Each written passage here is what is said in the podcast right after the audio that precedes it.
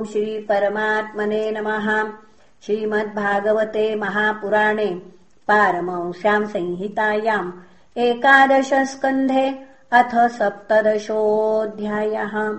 उद्धव उवाच यस्त्वययाभिहितः पूर्वम् धर्मस्त्वद्भक्तिलक्षणः।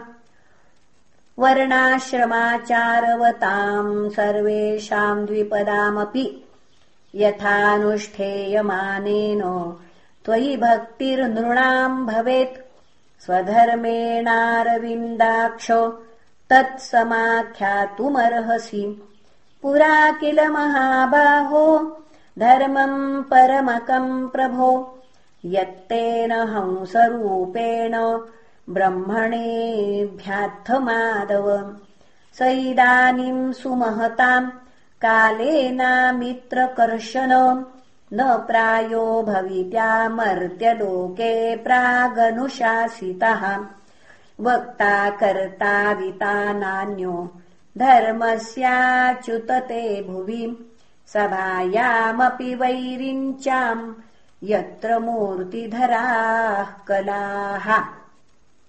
कर्त्रा वित्रा प्रवक्त्रा च भवता मधुसूदन त्यक्ते महीतले देवो विनष्टम् कः प्रवक्षति?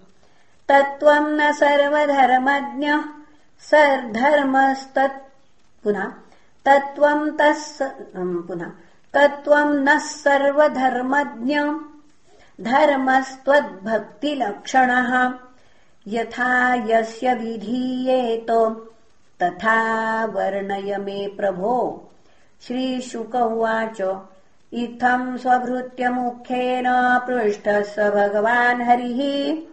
प्रीतक्षेमायमर्त्यानाम् धर्मानावसनातनान् श्रीभगवानुवाच धर्म एष तव प्रश्नो नैश्रय्यसकरो नृणाम् वर्णाशमाचारवताम् तमुद्धव निबोध मे आदौ कृतयुगे वर्णो नृणाम् हंस इति स्मृतः।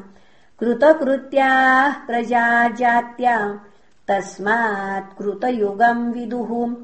वेदः प्रणव एवाग्रे धर्मोऽहम् वृषरूपधृक्।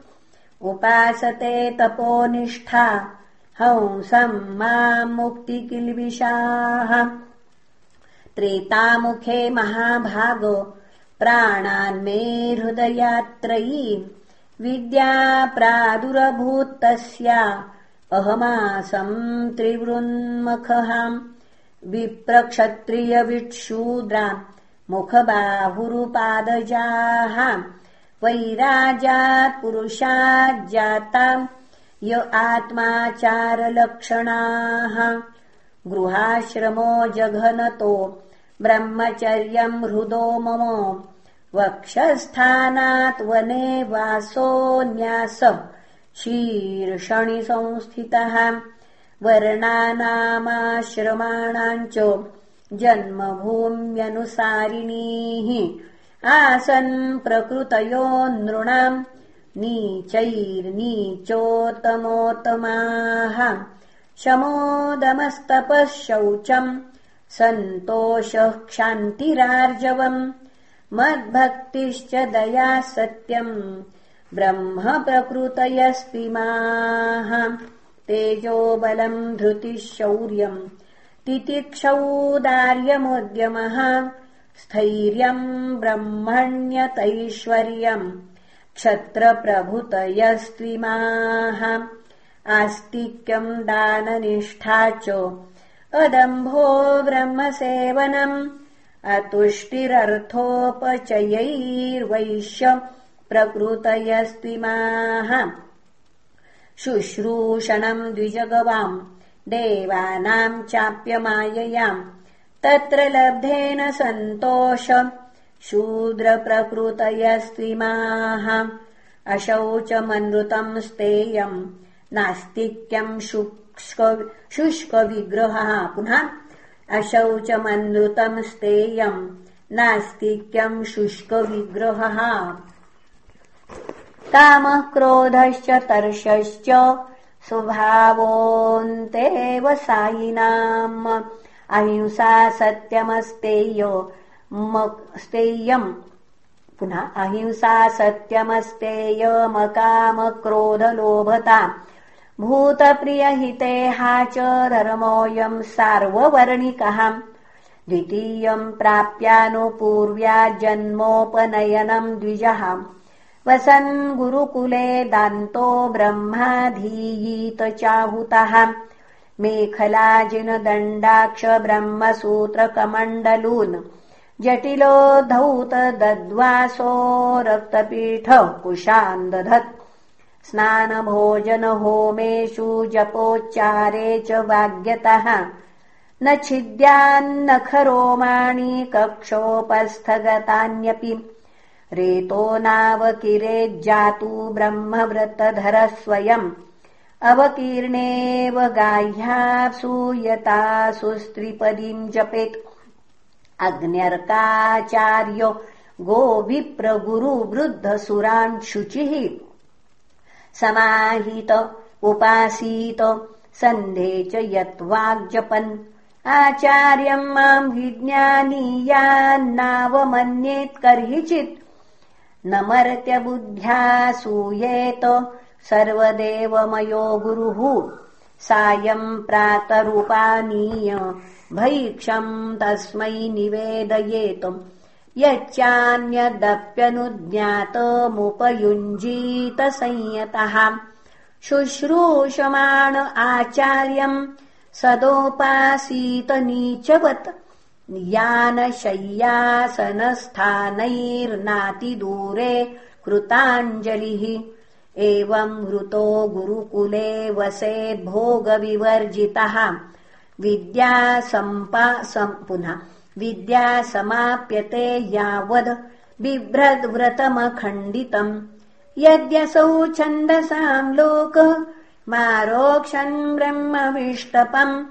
गुरवे विन्यसे देहम् स्वाध्यायार्थम् बृहद्व्रतः अग्नौ गुरावात्मनि च सर्वभूतेषु माम् परम् अपृथग्धीरुपासीत।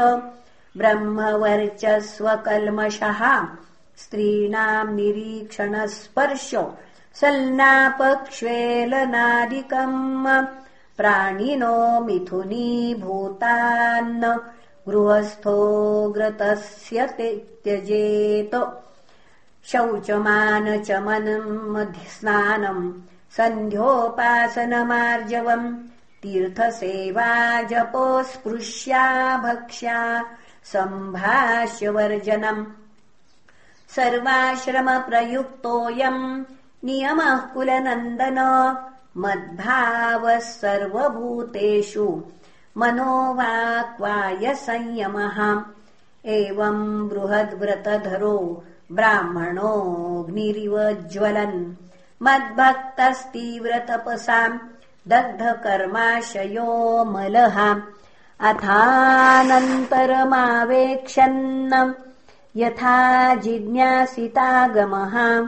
गुरवे दक्षिणाम् दत्त्वा स्नायाद्गुरुवनुमोदितः गृहम् वनम् वोपविशेत् प्रव्रजेत्वा द्विजोत्तमः आश्रमादाश्रमम् गच्छेन्नान्यथा मत्परश्चरेतु गृहार्थी सदृशीम् भार्या मुद्वहेदजुगुप्सिताम् यवीयसिन्तु वयसा ताम् सवर्णामनुक्रमातुम् इज्याध्ययनदानानि सर्वेषाम् च द्विजन्मनाम् च ब्राह्मणस्यैव याजनम् प्रतिग्रहम् मन्यमानस्तपस्तेजो यशोऽनुदम् अन्याभ्यामेव जीवेत शिलैर्वा दोषदृक्तयोः ब्राह्मणस्य हि देहोऽयम् क्षुद्रकामाय नेष्यते कृच्छ्राय तपसे चेहो प्रेत्यानन्तसुखाय च। शिलोञ्च वृत्त्या परितुष्टचित्तो। धर्मम् महान्तम् विरजम् जुषाणः। मय्यर्पितात्मा गृह एव तिष्ठन्नातिप्रसक्तः समुपैति शान्तिम्। समुद्धरन्ति ये विप्रम् सीदन्तम् मत्परायणम्। तानुद्धरिष्ये न चिरादापद्भयो नौरिवार्णवात्। सर्वा समुद्धरेत्राजाम् पितेव व्यसनात् प्रजाः। आत्मानमात्मनाधीरो। यथा गजपतिर्गजान्। एवं विधो नरपतिर्विमानेनार्कवर्चसाम् विधूयेहा शुभम् कृत्स्नमिन्द्रेण सह मोदते। सीदन् विप्रो वणिक्वृत्त्या पण्यैरेवापदम् तरेत। खड्गेन वा पदाक्रान्तो। नश्ववृत्त्या कथञ्चन। वैश्यवृत्त्या तु राजन्यो जीवेन्मृगययापदि चरेद्वा विप्ररूपेण नश्ववृत्त्या कथञ्चन शूद्रवृत्तिम् भजेद्वैश्य शूद्रः कारुकटिक्रियाम् कृच्छ्रान्मुक्तो न गर्हेण वृत्तिम् लिप्सेत कर्मणाम् वेदाध्याय स्वधा स्वाहा बल्यन्नाद्यैर्यथोदयम्। देवर्षि पितृभूतानि मद्रूपाण्यन्वहम् यजेत्। यदृच्छयोपपन्नेन शुक्लेनोपार्जितेन वा। धनेनापीडयन् भृत्यान् न्यायेनैवाहरेत्क्रतुम् न कुटुम्बेषु न यः सज्जेत न प्रमाद्येत कुटुम्ब्यपि विपञ्छिन्नश्वरम् पश्येद दृष्टमपि दृष्टवत्। पुत्रदारातबन्धूनाम् सङ्गमः पान्थसङ्गमः अनुदेहम् वियन्तेते स्वप्नो निद्रायुगो यथाम्। इत्थम् परिमृशन्मुक्तो गृहेष्वतिथिवत् वसन् न गृहैरनुबध्येत। निर्ममो निरहङ्कृतः। कर्मभिर्गृहमेधीयैरिष्ट्वा। मामेव भक्तिमान्। तिष्ठेद्वनम् वोपविशेत् प्रजावान् वा परिव्रजेत्। यस्त्वासक्तमतिर्गेहे पुत्रवित्तैषणातुरः स्त्रैणः कृपणधीर्मूढो ममाहमिति बध्यते। अहो मे पितरौ वृद्धौ भार्या बालात्मजात्मजाः। अनाथा मामृते दीना कथम् जीवन्ति दुःखिताम्। एवम् गृहाशया क्षिप्तरुधयो मूढधीरयम्। अतृप्तस्नाननुध्यायन् मृतोऽन्धम् विशते तमहाम् इति श्रीमद्भागवते महापुराणे पारमहंस्याम् संहितायाम् एकादशस्कन्धे सप्तदशोऽध्यायः श्रीकृष्णार्पणमस्तु।